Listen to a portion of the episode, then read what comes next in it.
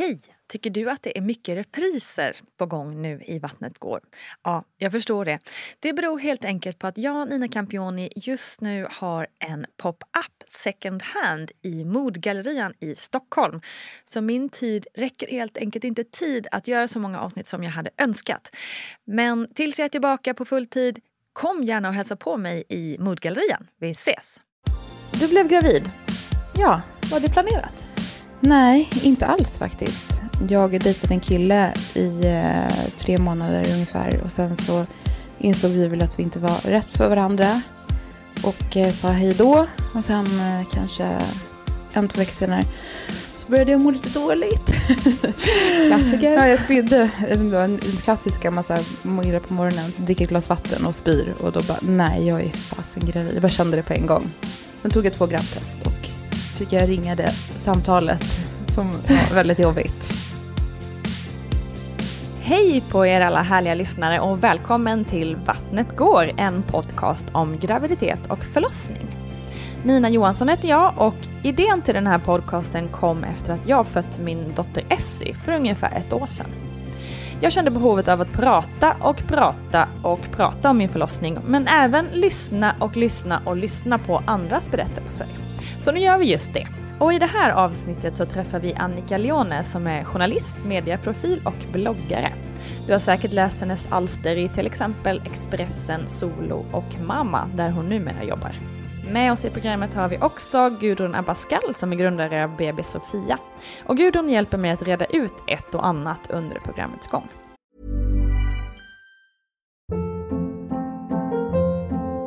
Hold up. What was that? Boring. No flavor. That was as bad as those leftovers you ate all week. Kiki Palmer here, and it's time to say hello to something fresh and guilt-free. Hello Fresh. Jazz up dinner with pecan-crusted chicken or garlic butter shrimp scampi. Now that's music to my mouth. Hello Fresh. Let's get this dinner party started. Discover all the delicious possibilities at hellofresh.com.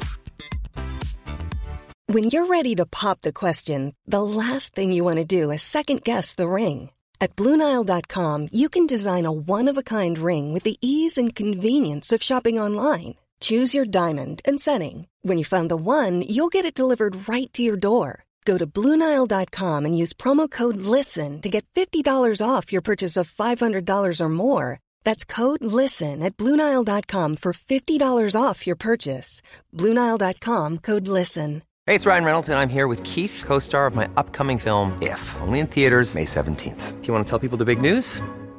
All right, I'll do it. Sign up now and you'll get unlimited for $15 a month in six months of Paramount Plus Essential Plan on us. Mintmobile.com slash switch. Upfront payment of $45 equivalent to $15 per month. Unlimited over 40 gigabytes per month. Face lower speeds. Videos at 480p. Active Mint customers by 531.24 get six months of Paramount Plus Essential Plan. Auto renews after six months. Offer ends May 31st, 2024. Separate Paramount Plus registration required. Terms and conditions apply if rated PG. Hiring for your small business? If you're not looking for professionals on LinkedIn, you're looking in the wrong place. That's like looking for your car keys in a fish tank. LinkedIn helps you hire professionals you can't find anywhere else, even those who aren't actively searching for a new job but might be open to the perfect role. In a given month, over 70% of LinkedIn users don't even visit other leading job sites. So start looking in the right place. With LinkedIn, you can hire professionals like a professional. Post your free job on linkedin.com slash people today. Jag kanske inte var 100% säker att jag ville ha barnet, men jag var ändå så här, då var jag 39 och än så jag kanske inte var så sugen på att ta bort barnet heller. Så visst var det jättejobbigt att typ säga så här, ja du ska förmodligen bli pappa. Jag tror han var i chock i nio månader faktiskt. Ja. Hur var hans första reaktion?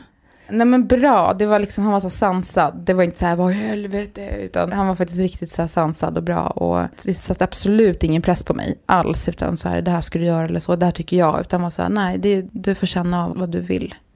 Men du sa att du var lite osäker från början, men när kände du dig mer säker? Ja, men jag var mest osäker för att vi inte var ihop. Det var väl den grejen att man har någon sorts föreställning om att man ska ha den här klassiska kärnfamiljen. Vilket är helt larvigt egentligen, för hur många känner man som lever i en kärnfamilj? Typ ingen nästan. Jag kanske har en kompis som gör det. Så att, eh, nej men ganska snabbt så kände jag väl att jag... Det var en, eh, en vecka av liksom gråt och skratt. första veckan. det är det nog ändå oavsett. Ja, eller hur? Det är det. Jag vill minnas att jag spelade tv-spel och typ så här sköt ihjäl typ hundra gubbar i några så här krigsspel. För jag skulle så avreagera men det var jättekonstigt. Och sen typ började jag gråta. ja, det var konstigt, men det var också väldigt härligt. Mm. Det är härligt kanske när man får vara sådär känslosam Ja, och att det är legitimt på något sätt. precis. Men jag tänker på den här liksom ritualen som man ofta ser framför sig, eller främst kanske egentligen på film, när man ska ta den här graviditetstestet och man sitter Ja. med stickan och så vidare. och på film såklart så sitter man ju där med sin kära make eller pojkvän eller vad det nu Ja. må vara. Alltså hur gick dina tankar där? Alltså det var så konstigt tycker jag med den där stickan. Jag tog ju dessutom så tre stickor för att vara helt säker. Men jag minns också att jag, så här, jag ringde inte han det första jag gjorde heller. Jag ringde ingen. Utan jag bara behöll det för mig själv, typ kanske två dagar. Tills jag ens här kunde prata om att jag hade tagit det där provet. Det var som så att det var så här min hemlighet. På, Eh, ett, på ett bra sätt eller men på, ett bra- jobbigt sätt? Nej, men på ett bra sätt. Men sen tyckte jag att det var otroligt jobbigt att berätta. Speciellt för mamma. Så här, "Eh, du, jag ska ha barn, men jag har ingen kille. Mm. Det tyckte jag nästan var jobbigt. Så jag tror jag väntade längst med att berätta för min mamma. Jag visste att hon skulle bli jätteglad, men det var ändå jobbigt att berätta så här. För jag har alltid liksom varit den i familjen som inte haft någon pojkvän och varit den här singel singelpersonen medan min bror är så superstadgad sedan långt tillbaka, har barn och alltid liksom lever ett helt annat liv än vad jag lever. Men eh, jag kände mig verkligen som så här eh, Jennifer Aniston eller Madonna i någon av de här filmerna, du vet, som handlar om att man blir på smällen med en one night stand, Mm typ och behåller barnet. Lite, så, lite filmiskt kändes det faktiskt. Hur var det sen att berätta för mamma då? Det var jobbigt. Mm. Hon var väldigt chockad tror jag. Men också glad. Och såklart, jag är superglad när Lilo sen kom. Hon tyckte bara att namnet var så konstigt. Hon kunde inte förstå vad Lilo, hon tyckte det var jättekonstigt. Eh, man kan ha roliga namn nu för tiden. Ja, Men, eh, precis. ja. Nu får man heta vad som helst. Men var kommer Lili ifrån då? Det är inspirerat från Milla Jovovich i Femte elementet. Just Eh, fast hon stavar L-E-E-L-O, fast jag stavar L-I-L-O. Så det är inte Lilo och Stitch som alla tror när Disney, Nej, just det. Disney-klassikern. Då är det väl lite bättre att vara döpt efter Ja, Milla Jovovich, eller hur? säga. Fast den lilla Lilo är för sig gullig också. Du, hur var du som gravid? Jag var nog ganska lätt tror jag. Jag var inte, hade inte de här humörsvängningarna. Jag minns att jag jobbade med Cecilia Blankens modeprofilen och eh, vi jobbade ihop och hon var så sur typ i nio månader. Hon blev helt rasande om man tog en apelsinklyfta av henne. Då fick man en utskällning och bara vad i helvete håller du på med? Så var inte jag alls. Jag var nog mer, jag var trött. Alltså mådde illa ganska länge och sen så var jag bara trött. Och åt fruktansvärt mycket. Jag hade alltid så här godishav runt mig. Mycket kolhydrater hela tiden. Var det någon särskild craving? Eller? Ja, men just så schweizernöt. Jag tål inte ens hasselnötter. Vilket var så att det alltid gud, jobbigt. kli i munnen jämt. Åh. Men jag, bara, jag var så tvungen, jag, hade, jag kunde inte släppa tanken på den här nöten. Bara, Men gud vad kroppen kan vara elak kan man ja, tycka. så, men så konstigt. Ja. Ja, mycket M&M's också. Ja. Det var mycket nötter. ja, typiskt liksom. men så man fett tål och salt liksom. Men du nämnde också där att du mådde illa och du spydde. Spydde Ja, du tre månader. länge? Ja, Tre månader. okej. Men sen försvann det. Mm. Uh, gud vad tråkigt det är. Det är som att vara bakis. Mm. Alltså först tycker jag hela graviditeten är som att vara bakis nästan nio månader. Sen när man fått barn så är man bakis ett år. ja, Det är så känslan tycker jag av att Ja. vara gravid och få barn. det var ganska huvudet på spiken. Men eh, vilken fas skulle du säga? Jag gissar kanske att det kanske var just att du mådde illa som var värst. Eller, eller har du någon annan fas där i graviditeten som du tyckte var Ja, värst? alltså Lilo låg liksom uppe vid mitt revben. Med rumpan uppåt. Och hon låg ju så här rättvänd hela tiden. Men hon låg och skavde liksom mot revbenet. Så jag hade så otroligt ont hela tiden. Så jag stod upp nästan hela graviditeten vid mitt skrivbord. Och nu, du vet hur trött man är genom att stå upp. Så jag Ja, stod gud, ja. upp en hel dag, i typ alltså nio timmar på jobbet. Och då fick jag liksom ont i benen för att jag stod Ja, upp. ryggen eller? Ja, men liksom Ja. så att det bara kändes som att jag hade så ont överallt. Ja. Sen så gick jag en månad tidigare från jobbet och typ då, jag tror att jag låg på soffan i en månad som en strandad val och bara åt mer schweizernöt. Ja men det tänkte jag också fråga kring liksom just den sista tiden där. ja. Du gick hem som sagt en Ja. månad innan. Ja, och kändes det bra att göra det? Mm. ja, alltså det kändes bra, men det var också så här genom att man liksom var själv. Jag var inte ihop med någon, det var ingen som kom hem på kvällen förutom polare som kom över då och då. Så kände jag mig väldigt, väldigt ensam. Jag har skrivit ganska mycket om det, så att man är så ensam i sin graviditet. Det var liksom lite obehagligt. Men det som höll upp en var ju så att jag längtade efter att, att bebisen skulle komma ut. Så det var okej liksom. Men det Mm. var en ganska tuff period.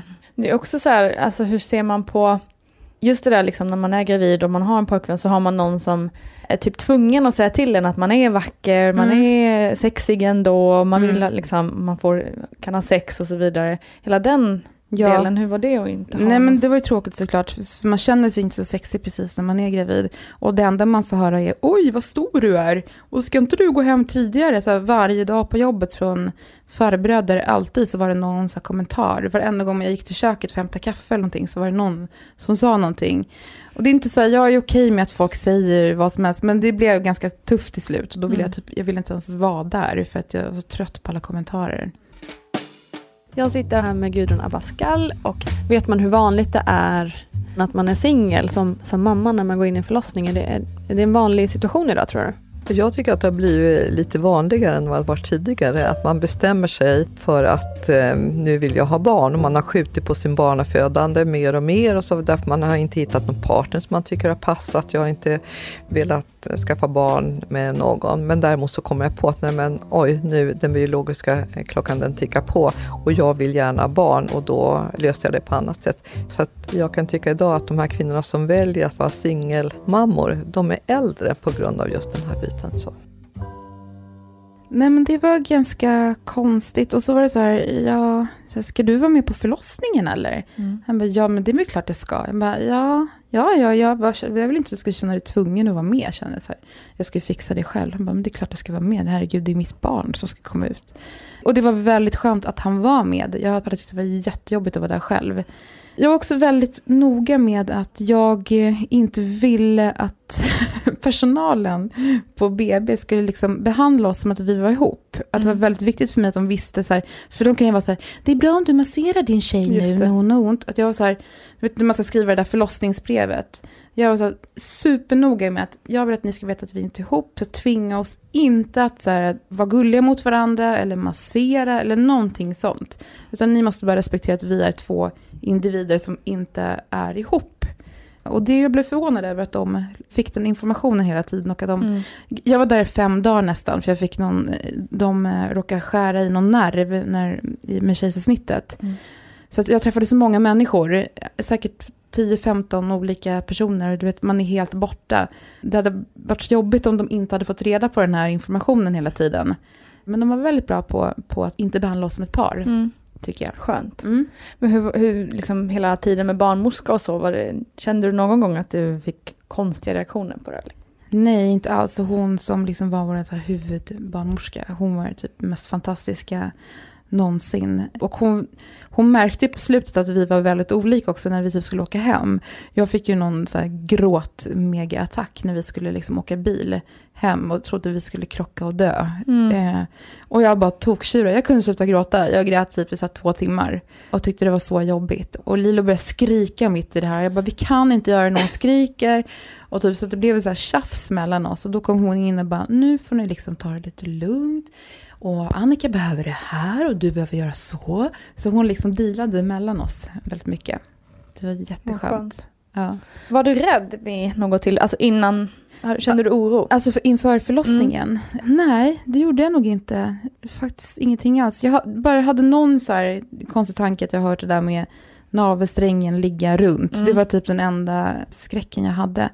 Men jag tycker att de har så fantastisk koll på BB med hjärtljud och allting. Jag känner mig så otroligt trygg. Jag var faktiskt inte nervös. Hade du Jag- läst på och sådär inför? Ja, men eller? inte jättemycket. Jag ville nog inte veta. Jag tycker att alla förlossningar är så olika och det förstod jag redan innan. Och vet, den här profylaxgrejen till exempel, jag hade aldrig ens behövt den. Men allt är så olika så jag struntade i att förbereda mig och läsa på utan bara tog det som det kom liksom. Och sen eh, dröjde det jättelänge innan hon kom ut för jag öppnade mig aldrig.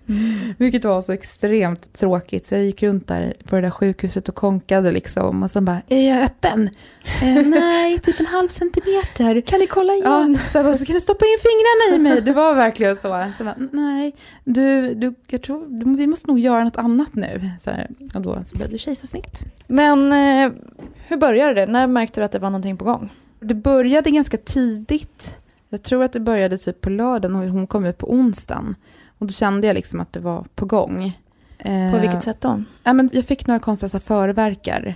Och du vet hur det är, man bara, har vattnet gått nu? När man så här, råkar kissa. Man bara, man ringer och bara, du hur ser det ut när vattnet går?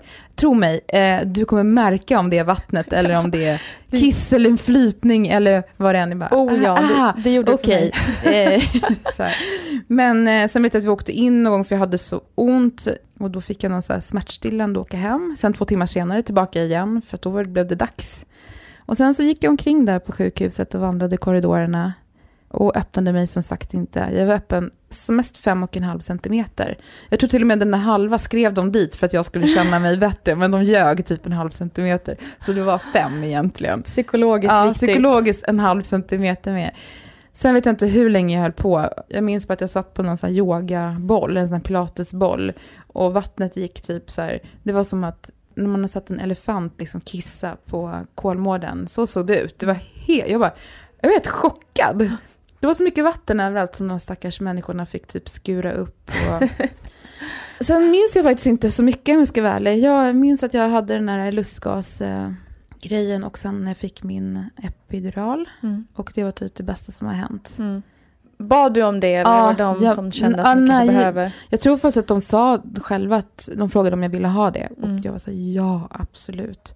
Och sen så, det var inte så Har du stoppat in en sån här äh, epidural i ryggen? Ja, ja, ja. Ja, du vet ju hur det känns när man sätter dit den. Fruktansvärt Det är ju det värsta. obehagligt. Det är Mm. ju värre än någonting, det är ju värre än att föda tycker jag. Alltså den, jag är så spruträdd inte gå också. så långt, men ja. Ja, men eftersom jag Det kände ju inte så mycket heller när de, så här, när de plockade ur barnet. Men alltså, jag har sån nålskräck också. Ja. Så det, för mig var det det mest traumatiska.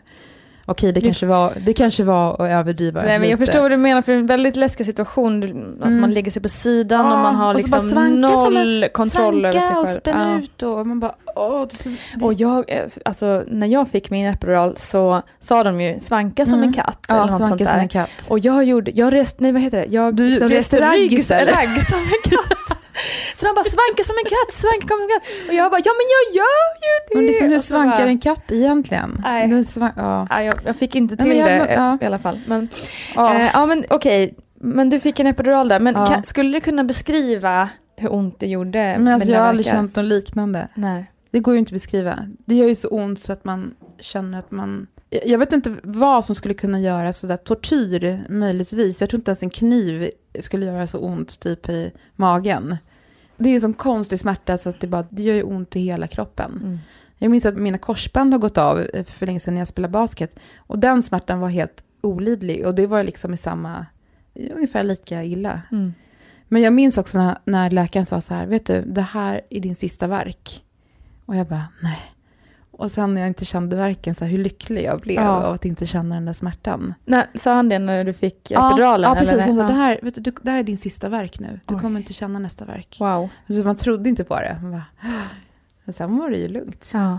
Eller, Det var så stor lugnt och skillnad lugnt. liksom. I, Ja, gud Efter- ja. Det var ju som bara natt och dag. Lustgasen då, gjorde det någon Nej, hjälp? typ ingenting. Jag tror att det var så psykiskt. Mm. Eh, jag trodde ju typ att man skulle ligga och skratta av lustgasen. Eh, nej, men så var det ju inte riktigt. Så kul ska vi inte ha det. nej, det var ju verkligen inte roligt. Okej, så du öppnar dig till fem och en halv Ja, centimeter. vilket är sjukt lite. Tänk dig fem, i diameter fem centimeter.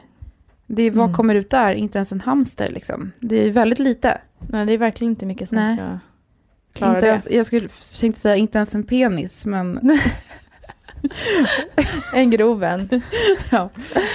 Men ehm, fem och en halv centimeter. Mm. Vad händer då liksom? Vad, Nej, men då försöker du- de ju lägga upp så här, de, de, de får ju inte pusha själva till att så här, du vi måste göra kejsarsnitt, utan de försöker ju få en själv att säga, Mm. okej vi gör kejsarsnitt. Mm. Så här, du bör börja tänka på att göra kejsarsnitt. Och eh, först var jag så här, nej nej nej jag håller ut längre. Jag vet inte varför man typ vill föda naturligt, men det var väl, det är ju någon grej att man vill känna hur det känns. Mm. Men till slut så gick det. Och jag är ju också väldigt eh, sprut och blodrädd. Så jag vill ju undvika operationsbordet Ja, till alla klart. medel. Det var ju därför också, hellre liksom föda ut än att få en kniv i, i magen. Nej men sen var det bara, eh, det funkade ju inte. Så Nej. då var det bara till operationsbordet. Och då säger du let's go. Då säger jag ja, let's go. Det var verkligen så, för då, eh, men jag var helt slut. Då hade typ, jag hade inte ätit någonting på typ 48 timmar, knappt druckit någonting. För man får inte dricka på slutet eh, ifall det blir operation. Ah, så jag var så himla okej. så slut och bara, ja, och då eh, in i operationsbordet och då typ fick jag ju så panik av alla, att de var så många och att det var knivar överallt. Den här operationsvidriga känslan. Mm. Och sen måste jag säga att det var inte så härligt när de eh, höll på att gräva i magen. Även om man inte känner så känner man ju Mm. ändå. Och hör eller? Ja, och det är ju hårt. Alltså det är ju liksom, man förväntar sig att det bara plocka ur bebisen, men så lätt är det ju inte. Nej, du ska ju igenom ganska mycket. Ja, det är rätt mycket. Ja. Och det känner man ju när de drar liksom i magen. Hur gick tankarna där då? När, alltså, Nej, men jag höll på att spy. Jag, jag mådde så, alltså jag tyckte det var så äckligt. Så jag, jag tror faktiskt att jag tjurade hela tiden. Jag grät nog hela tiden för jag tyckte det var så obehagligt. Det är väldigt förståeligt. Ja. Men eh, sen så kom hon ut, Mm. ett jätteskrik och typ med armen upp i luften. Och var så här, du vet, de är ju, bebisarna är ju så fina när de är med kejsarsnitt för att de är ju inte snea eller någonting. Så att hon var så himla söt. Mm. Då började jag tokgråta såklart. Ja. Och hon, så här, allt var bara jättebra när hon kom ut. Inga konstigheter. Men hur kände du då när hon kom ut? Var du så här som det, återigen som det är i filmer? Ja, Att man gråter och känner instant love? ja, faktiskt. Det var så många som sa till mig att man inte så här, att man kanske inte skulle känna någonting för sitt barn och, och få så här förlossningsdepression. och Någonting. Så jag var, jag var ganska inställd på det. Men så var det inte alls. Det kändes så här, som den mest naturliga grejen i världen. Det låter så klyschigt att säga, men det var verkligen så här, ja, det här är mitt barn och jag har haft henne jämt. Men gud vad härligt. Ja, men det var verkligen så. Och det låter så himla klyschigt, för det, Nej, men- jag fattar att alla inte känner så alls. Nej, verkligen inte. Mm. Men ännu mer då verkligen äg den känslan Mm. och, och njut av det, Mm. tycker jag. Nej, men sen sov ju hon på mig tre månader. Ja. Alltså, Vad mysigt. ja, det var mysigt. Samspelet med eh, ditt ex då, Mm. pappan till Lilo. Mm. Nu då, precis som vi pratade om innan, Mm. så eftersom ni inte hade den relationen, Mm. hur, hur funkade ni i förlossnings... Nej, men det, det, gick, det var väldigt bra. Han var så väldigt eh, peppande och liksom, inte så här kom igen nu, utan jag var i och för sig inte kristen, men han var inte så, men han var bara liksom bredvid mig och så här, höll ett lugn. Också så här, hans mamma är narkosläkare, vilket var så att han vet så himla mycket om hur det går till med operationer och så här, han har lärt sig så himla mycket genom henne, så han var så himla trygg i den miljön på något sätt. Vilket gjorde mig väldigt avslappnad också. Kanske extra viktigt i och med att du var rädd för den Ja, jag tror det. Mm. Men sen så tog han henne liksom och de gick och vägde och allt det där. Så det var väldigt skönt att ha honom där. Mm.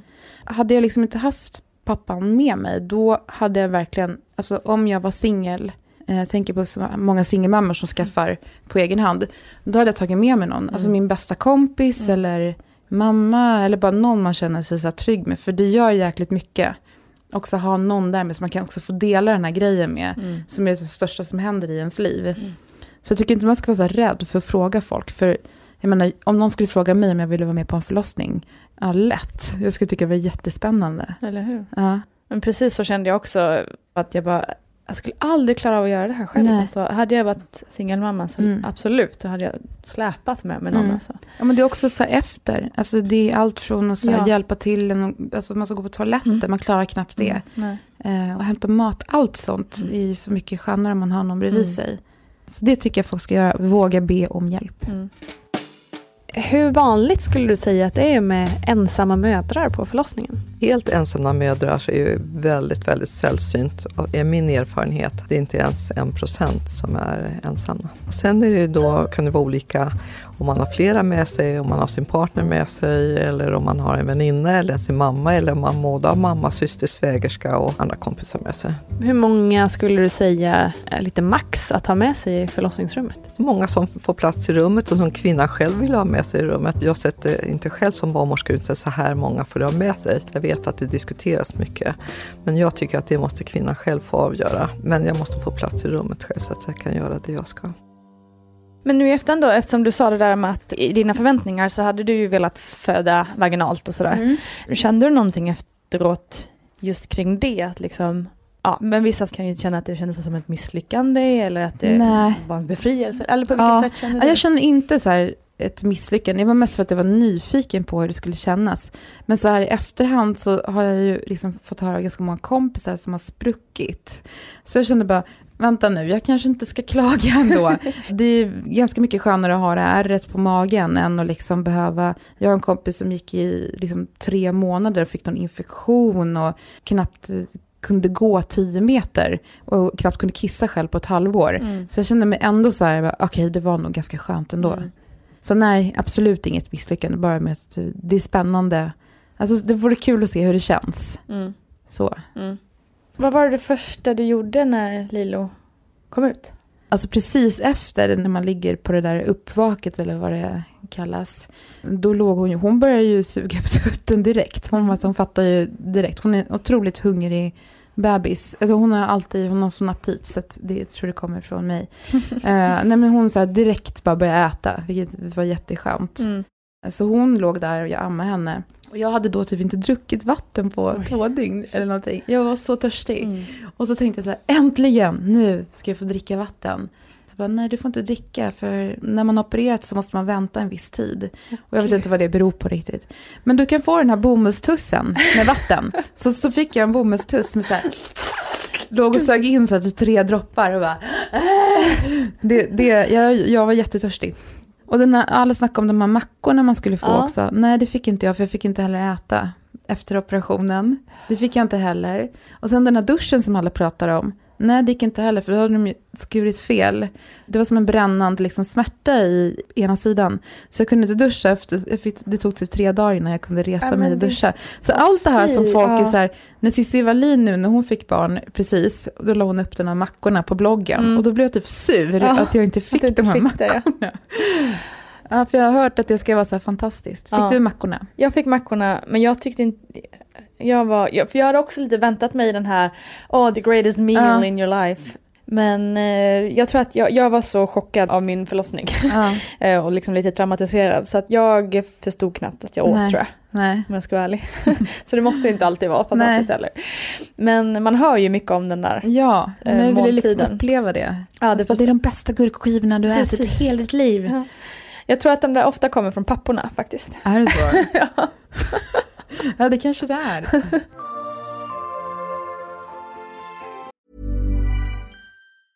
A lot can happen in the next three years. Like a chatbot may be your new best friend. But what won't change? Needing health insurance. United Healthcare Tri Term Medical Plans are available for these changing times Underwritten by Golden Rule Insurance Company, they offer budget-friendly, flexible coverage for people who are in between jobs or missed open enrollment. The plans last nearly three years in some states, with access to a nationwide network of doctors and hospitals. So for whatever tomorrow brings, United Healthcare Tri-Term Medical Plans may be for you. Learn more at uh1.com. This is Paige, the co-host of Giggly Squad, and I want to tell you about a company that I've been loving, Olive and June. Olive and June gives you everything that you need for a salon quality manicure in one box. And if you break it down, it really comes out to $2 a manicure, which is absolutely insane. It's also so easy to get salon worthy nails at home with Olive and June. The difference between how your nails used to look when you did them yourself and now with the Manny system is a complete game changer. The best thing about Olive and June too is it's a quick dry, dries in about one minute, lasts for five days, and full coverage in up to one to two coats. Visit oliveandjune.com slash perfect Manny 20 for 20% off your first system. That's oliveandjune.com slash perfect Manny 20 for 20% off your first system. Hey, I'm Ryan Reynolds. Recently, I asked Mint Mobile's legal team if big wireless companies are allowed to raise prices due to inflation. They said yes. And then when I asked if raising prices technically violates those onerous two year contracts, they said, What the f are you talking about, you insane Hollywood ass? So to recap, we're cutting the price of Mint Unlimited from $30 a month to just $15 a month. Give it a try at mintmobile.com slash switch. $45 up front for three months plus taxes and fees. Promo for new customers for limited time. Unlimited more than 40 gigabytes per month. Slows. Full terms at mintmobile.com. One size fits all seems like a good idea for clothes until you try them on. Same goes for healthcare. That's why United Healthcare offers flexible, budget-friendly coverage for medical, vision, dental, and more. Learn more at uh1.com. Hey, it's Ryan Reynolds, and I'm here with Keith, co star of my upcoming film, If, only in theaters, May 17th. Do you want to tell people the big news? All right, I'll do. it. Sign up now and you'll get unlimited for $15 a month in six months of Paramount Plus Essential Plan on us. Mintmobile.com slash switch. Upfront payment of $45 equivalent to $15 per month. Unlimited over 40 gigabytes per month. Face lower speeds. Videos at 480p. Active Mint customers by 531.24 get six months of Paramount Plus Essential Plan. Auto renews after six months. Offer ends May 31st, 2024. Separate Paramount Plus registration required. Terms and conditions apply if rated PG. Det där med, med att de hade skurit fel. Ja. Berätta mer om det. Eller inte skurit fel, de hade, man kan ju tydligen komma åt alltså, nerver ibland Mm. när man gör det. Eh, Jag vet, jag vet inte hur, vet du vad jag tycker är så konstigt? Det pratas så lite om vad som kan hända. Det är som att man bara förväntas att det är så här, okej man skär och sen så vet man inte ens om att jag hade ingen aning om att det här kunde hända. Och folk tar den inte riktigt på allvar heller. Det var ju Mm. så här, vet, och det kom in nya barnmorskor, eller, eller vad heter de som kommer in? Alla är inte barnmorskor, men det Nej, det Ja, men det kom in och- och... Ja, precis. Mm. Och, och hela tiden så var jag tvungen att förklara om det här igen. Så här, ja, men de har kommit åt en nerv, så jag kan inte gå på toaletten. Så då fick jag en sån här kateter, Mm. vet du, heter det kateter? Ja, det är det? Och det tyckte jag var jobbigt att behöva förklara hela tiden för ny personal. Så som att jag gnäller, vet, jag, jag är ingen människa som gnäller över smärta. Mm. Jag tyckte det var jättejobbigt att bara, men jag har faktiskt ont, jag kan inte göra det. Det tyckte jag var jättejobbigt. Nej men det kan hända, så att det blev så här två dagar liksom av verkligen sängliggande. Mm. Och sen fick jag hjälp av två för att gå upp och duscha. Och då kände jag mig som hundra år gammal med en sån här gåstol. Mm. Hade jag inne i duschen. Och så tvättade de. alltså det finns en bild som jag har tagit precis efter. Min kompis Terry sa så här, vet du, du ser ut som du är hundra år gammal på den här bilden. Bara tack. Man känner sig ju precis som det efter en förlossning. Så att... Ja. Men eh, hur länge höll det i sig då? Nej men kanske släppte efter två och ett halvt dygn. Och nu känner du ingenting annat? Nej, gud nej. Det var ju bara så här, det gick snabbt. Mm. Sen är det, det känns, alltså ett kejsarsnitt känns ju liksom, det är så som en vanlig operation. Det gör ju ont ett tag, men det var verkligen ingen, det var ingen fara. Det är ju så här, det är jobbigt att duscha med bebisen liksom. Men det Mm. var, men det har man ju alltid hört så här att ja, men om man får ta kejsarsnitt så kan man inte lyfta sin bebis på tre veckor. Har jag Ja. hört. Men det är Ja, ju det- säkert bara skräckexempel. det kan ju vara så, det är man ju tvungen, gud det är man ju Ja, tvungen, det måste precis. man ju göra hela tiden. jag har tänkt det också, bara, men vadå ska mamman Ja. bara inte? Nej. Jättekonstigt. Nej men jag minns också så här, jag fick ju så här, det får väldigt många tror jag så här, du vet, tennisarmbåge. Mm. För att man bär barnen. Så så här, det är bra om du inte bär ditt barn på typ två, tre veckor. Ja, det. absolut, men jag eh, hänger henne i någon sorts anordning. Efter, liksom, va? Mm. Det är klart jag måste bära mitt barn. Nej men exakt, nej men jag lägger henne här på golvet. Ja, och släpar henne. Ja. Och ehm, den här gyllene BB-väskan som det snackas så himla mycket om inför. Vad kände du att ehm, du kanske saknade på BB eller var det någonting du hade med dig som du bara, gud varför släpar jag på det här? Alltså jag hade med mig typ så här fem par strumpor till bebisen. Och sen Ta bara, till bebisen! till bebisen. Okej! Jag bara, okej så här, du vet, jag tänkte, ja, men man vet inte hur länge jag får kvar. Men jag vet inte, vad trodde jag att bebisen skulle gå omkring? Jag trodde verkligen det. Du Så mycket jag- fotsvett nu, Så alltså, otroligt konstig grej att packa ner så här, fem par strumpor, ens behöva köpa det när bebisen är så här. Man behöver ju typ inte ens det. Nej. Det hade jag med mig. Helt onödigt. Så hade jag med mm, sjukt mycket onödigt med kläder för mig också. Jag låg ju bara i den där sjukhusklänningen eller vad jag ska kalla det för ändå. Jag hade med, också hade, sa alla så här, men ladda, ladda datorn med bra filmer. Och då tänkte jag så här, ja, men vad, jag ser aldrig deppiga filmer. Men då tänkte jag, ja, men då tar jag med mig komedier, typ bara. Mm. Det kan bli så här bra när man har genomgått en förlossning, tänkte jag. Men jag hade så ont i mitt sår och genom att de kom åt en nerv i, eh, under kejsarsnittet. Så jag kunde inte skratta. Åh Så att, och det, jag, jag är den som Aj. skrattar väldigt lätt till film. Och, Åh, och, så jag kunde typ inte titta på någon av filmerna. Eh, så skratt, om du tror att du ska genomgå eller vet ett kejsarsnitt, ta med dig sånt som man inte behöver skratta åt, för det gör för ont. Ta med dig spännande saker. Ja. Spännande Åh, filmer. Gud. Ja, Jag kan inte tänka mig att vara en och ligga där och liksom skratta och Nej. inte få skratta. Sen finns ju nätet såklart, så man kanske har Netflix eller någon, eh, någon sådan trevlig tjänst med sig. Men eh, tänk på att det gör ont att skratta.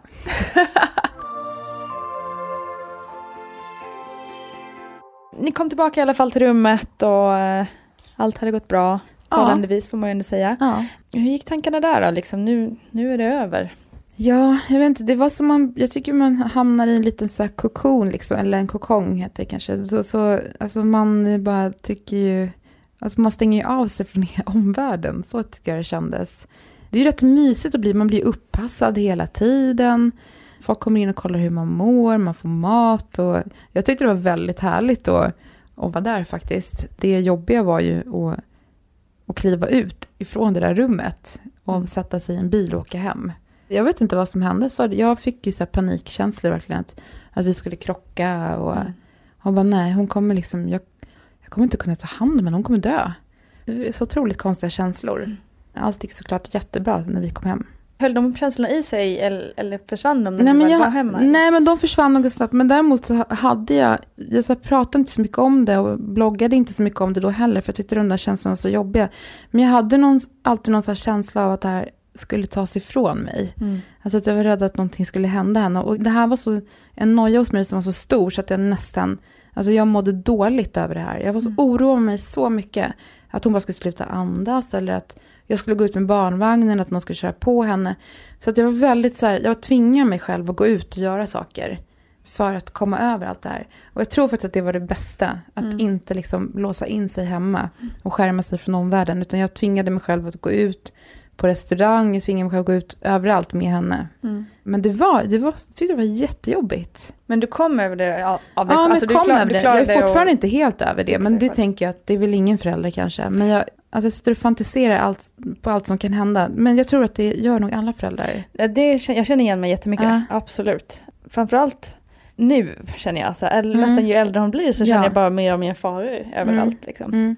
Men det, mm. alltså jag vet inte, nu har hon precis börjat på dagis. Och eh, då måste man ju släppa kontrollen. Mm. Och jag tycker det här dagiset är fantastiskt, jag känner så otroligt tillit till dem. Men det, är också, det här är jättebra för mig, det är så himla bra att hon är där flera timmar om dagen. Så jag kan bara så här, försöka komma över den här ännu mer, den här mm. nojan. Men kände du att du har varit extra överbeskyddande också i det här? Eller? Nej, jag är nog inte så här... Alltså det, det tycker jag är ett skönt drag hos mig, att jag inte är så här, nej du får inte hålla i henne. Utan jag är väldigt så här, nej vill du hålla i henne, absolut, ta henne liksom. Jag är inte rädd att någonting ska hända henne när, när någon annan är med henne. Så jag, nej, inte överbeskyddande, det sitter nog bara liksom mer i, i mig, i mitt psyke. Mm. Men inte så att jag är överbeskyddande. Och det vill jag verkligen inte, jag vill inte vara en sån mamma heller. Som gör att Lilo blir så här rädd för att göra saker för att jag är överbeskyddande. Det får hon aldrig bli känner jag. Utan hellre att hon är modig och vågar göra saker. Så att det, jag har dealat lite med mig själv. Hur skulle du beskriva dig själv som mamma? Men man vill ju säga att man är en bra mamma. Men jag tror faktiskt att jag är det. Framförallt tror jag att hon tycker att jag är rolig. Alltså jag gör väldigt mycket roliga saker med henne. Jag är en sån här som Alltså jag försöker att hela tiden tänka att hon ska ha roligt. Och jag vet inte om det har hjälpt, men hon är ju en väldigt glad bebis. Hon skrattar ju hela tiden och jag tänker att det har lite med så här trygghetskänsla att göra, att hon inte är rädd. Hon är extremt nyfiken på nya människor och Alltså jag tror att jag är bra på att in, inte göra henne rädd för livet. Mm. Det här är också läskigt för jag vill inte att hon ska vara för orädd och gå fram till människor som hon inte känner. Och framförallt inte följa med människor hon inte mm. känner. Mm. Men det också är för... en väldig oro. För ja, men det är väl senare mm. när man kan prata med henne. Mm. Jo, men jag tror att jag försöker liksom, allt jag gör försöker jag så göra henne delaktig i. Som om jag lagar mat, så då är hon med, så förklarar jag vad jag gör. Så jag pratar jättemycket med henne. Jag kan tycka att folk ibland så tittar på mig så konstigt på ICA. Men jag pratar om allt och så äh, tänker jag att hon lär sig prata snabbare. Det tror jag är en väldigt stark sanning. Men hur funkar familjelivet nu då som singel? Och... Så du, en vecka, nu är hon 15 månader. Det här med att ha henne en vecka var, det är ju så här, jag kan inte vara utan henne en vecka. Det finns liksom, det är alldeles för lång tid. Så nu kör vi liksom 3-3. Men hjälper varandra, om inte någon kan en viss dag så täcker mm. vi för varandra. Så vi försöker köra tre dagar i taget och det är fortfarande lika konstigt att säga hej då till henne den tredje dagen. Mm. Och det är jobbigt att vara ifrån henne. Men det är fantastiskt att hämta henne den tredje dagen. Alltså den så känslan som jag har i kroppen mm. när jag ska få se henne efter tre dagar. När jag kommer till dagis och så ser jag hur hon eh, leker med de andra barnen innan hon har sett mig. Och jag ser hur hon beter sig liksom andra, så den känslan är så himla fin. Och sen så tittar hon på mig och blir så här, och bara, mamma, mamma. Mm. Och den, alltså det finns ingenting bättre. Och den kanske, jag, jag vet inte om jag hade känt den lika starkt om jag hade träffat henne varje dag. Så jag mm. försöker se det som en eh, fördel med att vara singelförälder. Fint, jag blir alldeles rörd av att bara höra det faktiskt. Jättefint. Men hur funkar det rent liksom mellan er? Har ni en gemensam syn på regler och uppfostran och hela den där biten? Ja, men alltså vi försöker ju mötas. Det är ju så, det finns ju ett skäl till att vi liksom inte blev ihop och det är ju för att vi har så annorlunda värderingar.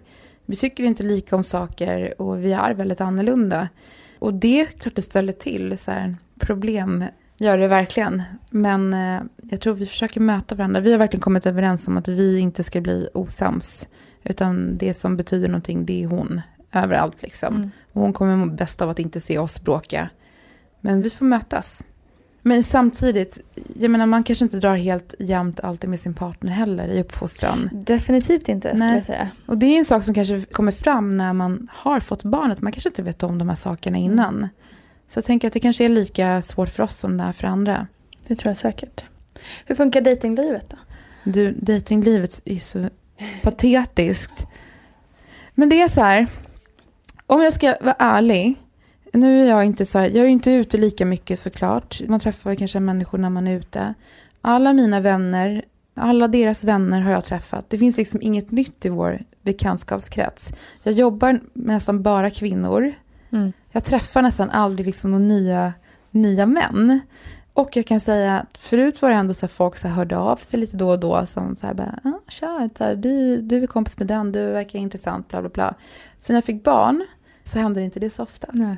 Det var som att det gick ner till 170 procent. Mm. Ja, men det är lite sorgligt egentligen. Så man blir ju så här, bara, nej, jag typ, ingen vill ha mig, jag är så ensamstående morsa.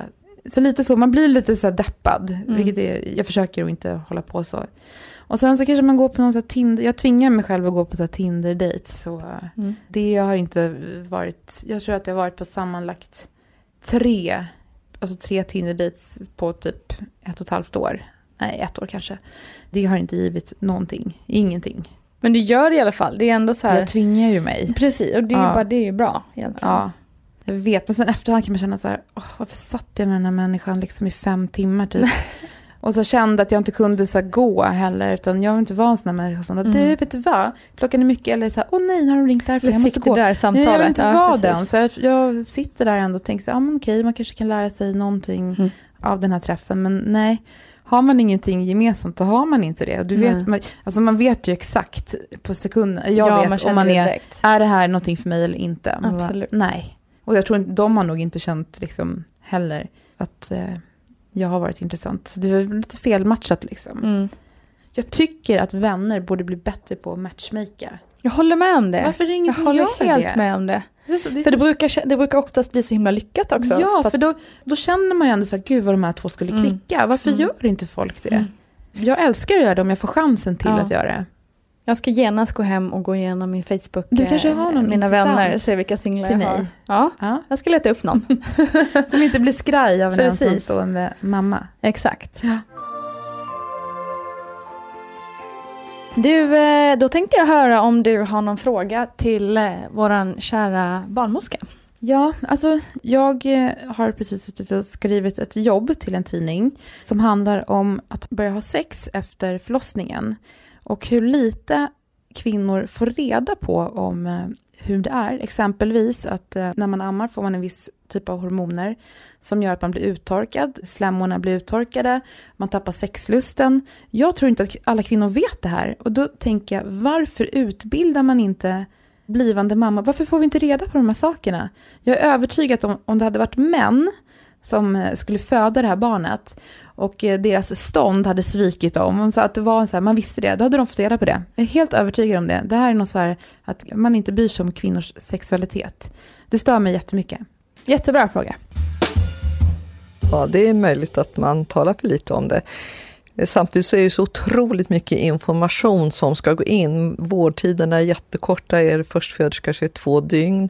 Är det omföderska är det ett dygn. Och så ska man ha in allting om anknytning till barnet, amningen, återställa.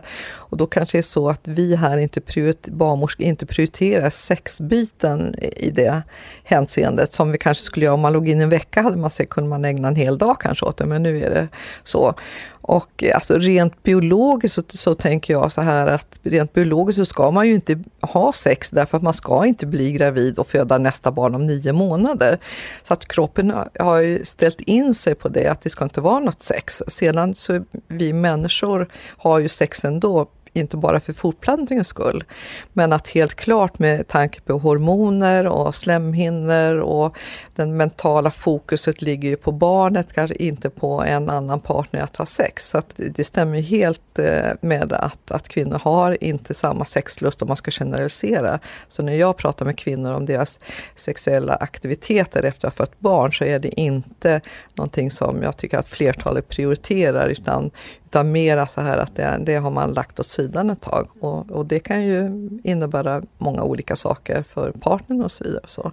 Men tittar man hormonellt på, på slemhinnor och hur vi fungerar så är fokus då mer på att ta hand om det här barnet som att amma. Och så länge man ammar så vet man att slemhinnorna inte är likadana. Utan, men då finns det ju då hormonkrämer och så vidare man kan hjälpa till med. Har du något tips på vad man kanske kan säga till sin partner om man känner att nu, nu börjar det tjatas här?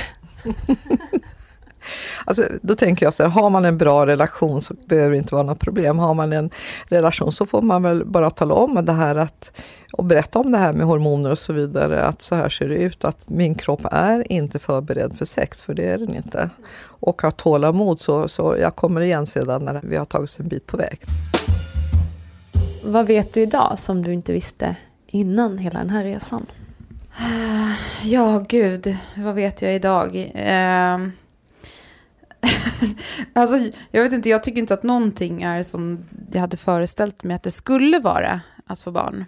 Och med det vill jag också säga att man kanske inte så ska ha så mycket så här rädslor och förväntningar och så här, man bara tar det som det kommer. Jag tycker att det egentligen är lättare än vad jag trodde det skulle vara. För att jag tänkte så här, gud, tänk om inte jag kan ta hand om mitt barn.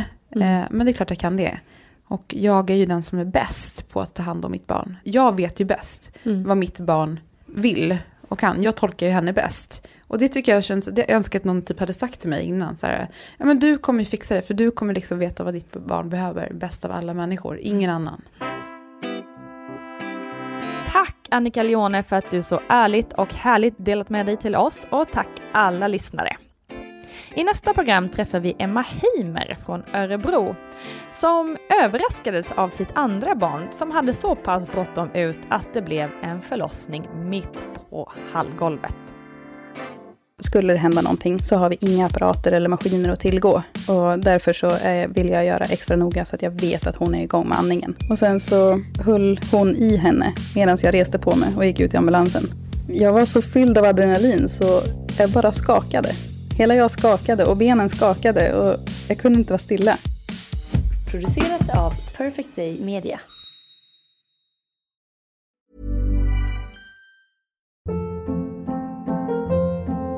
Hold up. What was that? Boring. No flavor. That was as bad as those leftovers you ate all week. Kiki Palmer here, and it's time to say hello to something fresh and guilt-free. Hello Fresh. Jazz up dinner with pecan-crusted chicken or garlic butter shrimp scampi. Now that's music to my mouth. Hello Fresh. Let's get this dinner party started. Discover all the delicious possibilities at hellofresh.com. Imagine the softest sheets you've ever felt. Now imagine them getting even softer over time. That's what you'll feel with Bowl and Branch's organic cotton sheets. In a recent customer survey, 96% replied that Bowl and Branch sheets get softer with every wash. Start getting your best night's sleep in these sheets that get softer and softer for years to come. Try their sheets with a 30-night guarantee. Plus, get 15% off your first order at bowlandbranch.com. Code BUTTERY. Exclusions apply. See site for details. Hi, I'm Daniel, founder of Pretty Litter. Did you know cats tend to hide symptoms of sickness and pain? I learned this the hard way after losing my cat, Gingy. So I created Pretty Litter, a health monitoring litter that helps detect early signs of illness by changing colors, saving you money and potentially your cat's life. Pretty Litter is veterinarian developed, and it's the easiest way to keep tabs on your fur baby's health right at home. Go to prettylitter.com and use code ACAST for 20% off your first order and a free cat toy. Terms and conditions apply. See site for details. Mom deserves the best, and there's no better place to shop for Mother's Day than Whole Foods Market. They're your destination for unbeatable savings, from premium gifts to show-stopping flowers and irresistible desserts. Start by saving 33% with Prime on all body care and candles. Then get a 15-stem bunch of tulips for just $9.99 each with Prime. Round out Mom's menu with festive rosé, irresistible berry chantilly cake, and more special treats. Come celebrate Mother's Day at Whole Foods Market.